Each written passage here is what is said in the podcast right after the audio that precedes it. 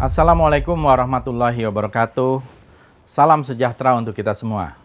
Saudara-saudara, tanggal 17 November 2020, Gubernur DKI Bapak Anies Baswedan dipanggil oleh pihak Polda Metro Jaya untuk dilakukan klarifikasi terhadap semacam dugaan pelanggaran pidana terhadap apa yang disebut sebagai protokol kesehatan.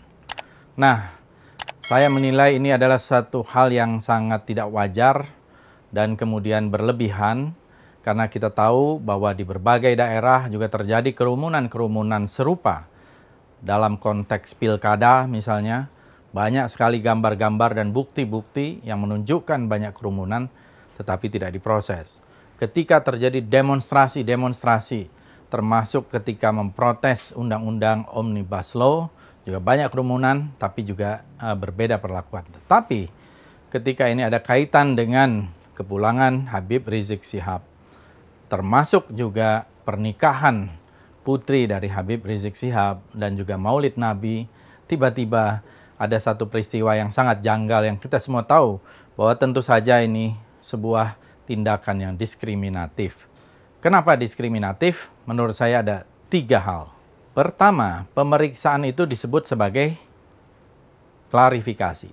Padahal kita tidak mengenal istilah klarifikasi di dalam konsep hukum kita terkait dengan protokol kesehatan atau undang-undang karantina kesehatan. Dan lebih lucu lagi kemudian proses klarifikasi itu ada BAP-nya, berita acaranya. Jadi ini adalah satu hal yang menurut saya menunjukkan kejanggalan di dalam konsep hukum. Kedua, bukankah Gubernur DKI bukan pihak yang melakukan pelanggaran protokol kesehatan? Justru Gubernur DKI adalah pengawas di dalam hal ini.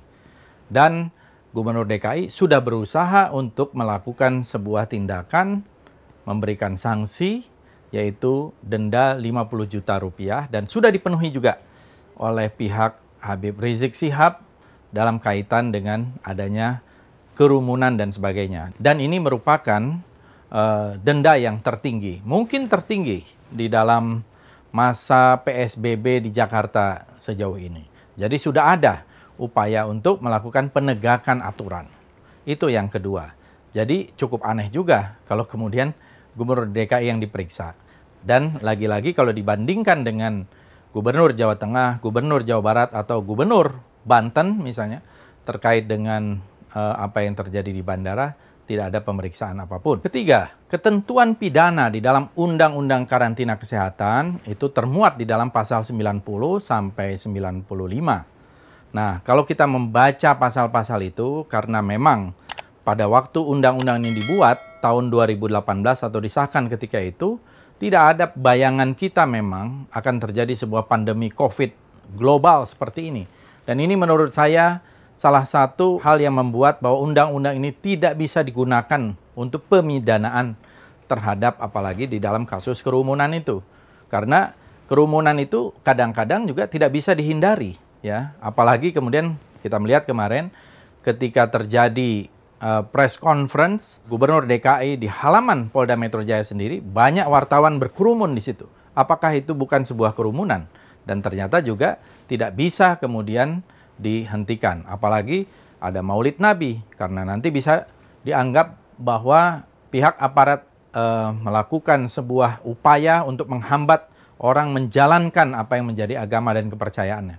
Jadi ini semua memang harus didekati secara dialogis, secara musyawarah. Apalagi seperti acara Maulid Nabi adalah acara yang rutin dilakukan dan sudah juga dilakukan di berbagai tempat dengan kerumunan yang jumlahnya ribuan bahkan puluhan ribu.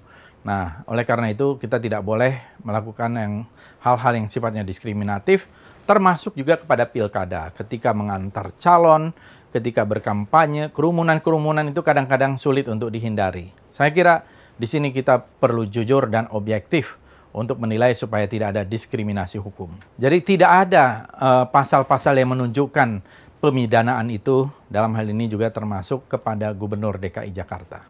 Keempat, kalaupun ada urusan dengan Gubernur DKI Jakarta, maka urusan itu sebetulnya adalah urusan pemerintahan, bukan urusan polisi.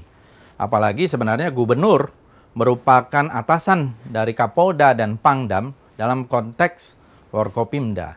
Meskipun ini tidak mengganggu koordinasi vertikal dari instansi-instansi tersebut. Tetapi kepala daerah dalam hal ini gubernur adalah perwakilan dari pemerintah pusat untuk mengkoordinasi semua instansi yang berada di daerahnya. Jadi, kalaupun ada urusan dengan gubernur, maka itu urusannya adalah dengan Kemendagri. Kemendagri yang bisa melakukan itu.